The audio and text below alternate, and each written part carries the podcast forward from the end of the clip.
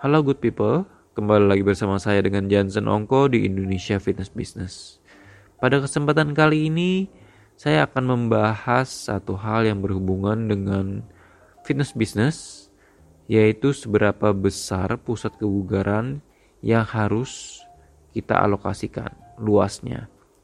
Ini menyambung jawaban dari pertanyaan seorang pemuda yang bertanya kepada saya di saat workshop Idea Fest minggu lalu di mana ia menanyakan kira-kira berapa besar ya idealnya apabila saya ingin membuka pusat kebugaran.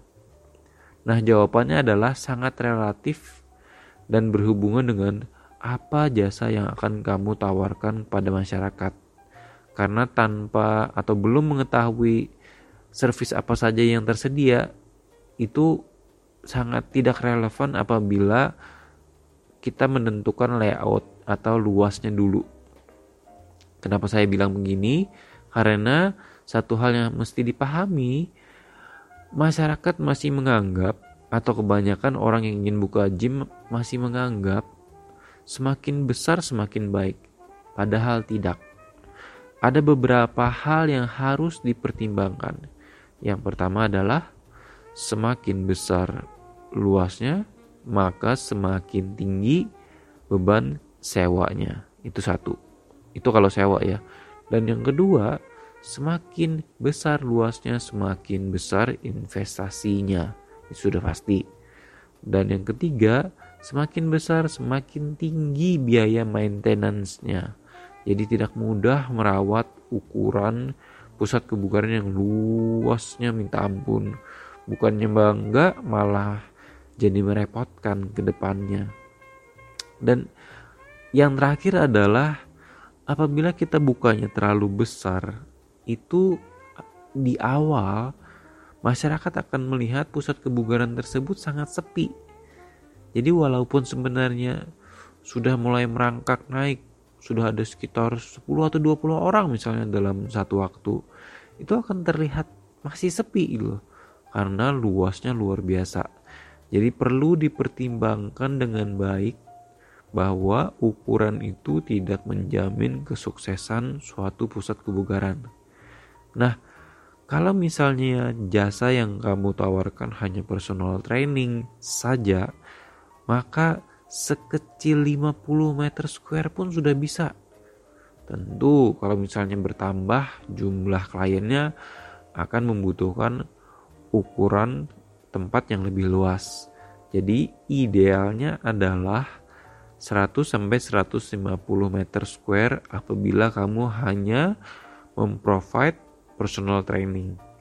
Nah, apabila ada tambahan seperti kelas-kelas seperti Zumba, Pound Fit, Pilates, Yoga, itu tentunya kamu membutuhkan another 150 to 200 150 sampai 200 meter square hanya khusus untuk kelasnya saja.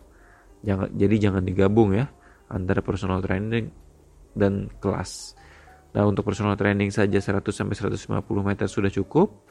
Untuk kelas reguler itu bisa menyediakan 150 sampai 200 meter. Jadi biasanya idealnya gym itu luasnya 400 sampai 500 meter square. Itu yang idealnya. Namun kalau misalnya kamu merasa oh nanti gym saya akan banyak kelasnya ada spinning, kemudian ada dedicated yoga space, kemudian ada satu beberapa studio yang khusus A, khusus B, khusus C, kelas-kelasnya berbeda-beda ya itu baru bisa invest sampai dengan 1000 meter square maupun 1500 meter square tapi seperti yang saya jelaskan tadi renting space, investment, maintenance itu akan mem membludak Be, ya sesuai dengan ini ya sesuai dengan ukurannya. Jadi pertim pertimbangkan baik-baik. Kalau misalnya kamu masih belum punya plan yang executable plan ya plan-plan yang dapat dilakukan di saat tempatnya buka sebaiknya jangan buka atau start dari ukuran yang luas walaupun kamu ingin membuka decent fitness center dengan ukuran 400-500 meter square. Yang penting lagi adalah seberapa besar ukuran locker atau tempat gantinya. Itu sebenarnya penting sekali karena banyak banget uh, member perempuan terutama ya menghabiskan waktu di tempat ganti. Baik untuk make up, untuk uh, bersih-bersih apa pun itu. Jadi sangat saya sarankan alokasi untuk locker perempuan lebih besar daripada laki-laki. Itu pro tips yang bisa saya share pada kesempatan kali ini. Jadi uh, menurut pendapat saya sih tidak ideal kalau misalnya kamu ingin membuka gym dengan ukuran luas langs langsung luas walaupun kamu punya tempatnya, kamu punya tanahnya, kamu punya capitalnya tidak ideal tetap karena kenapa?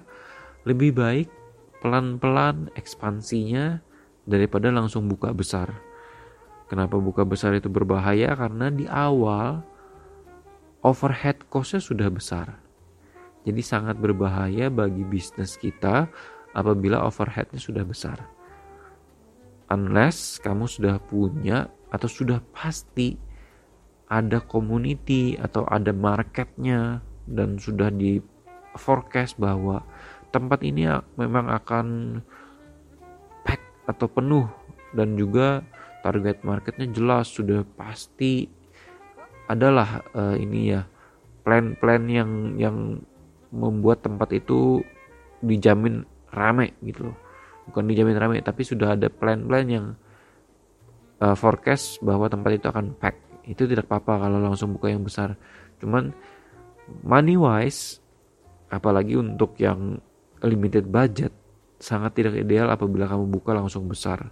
Jadi saran saya adalah buka dulu 150 sampai 200 kemudian ekspansi, ekspansi, ekspansi, ekspansi dan ekspansi. Karena sudah kamu buka besar, kamu tidak bisa mengurangi mengurangi space-nya. Tapi kalau kamu buka kecil atau start small, kamu bisa ekspansi ke gym yang lebih besar lagi. Nah, semoga masukan ini dapat bermanfaat untuk kamu yang ingin ekspansi atau ingin membuka pusat kebugaran baru. Itu saja share saya kali ini dan sampai jumpa di episode berikutnya.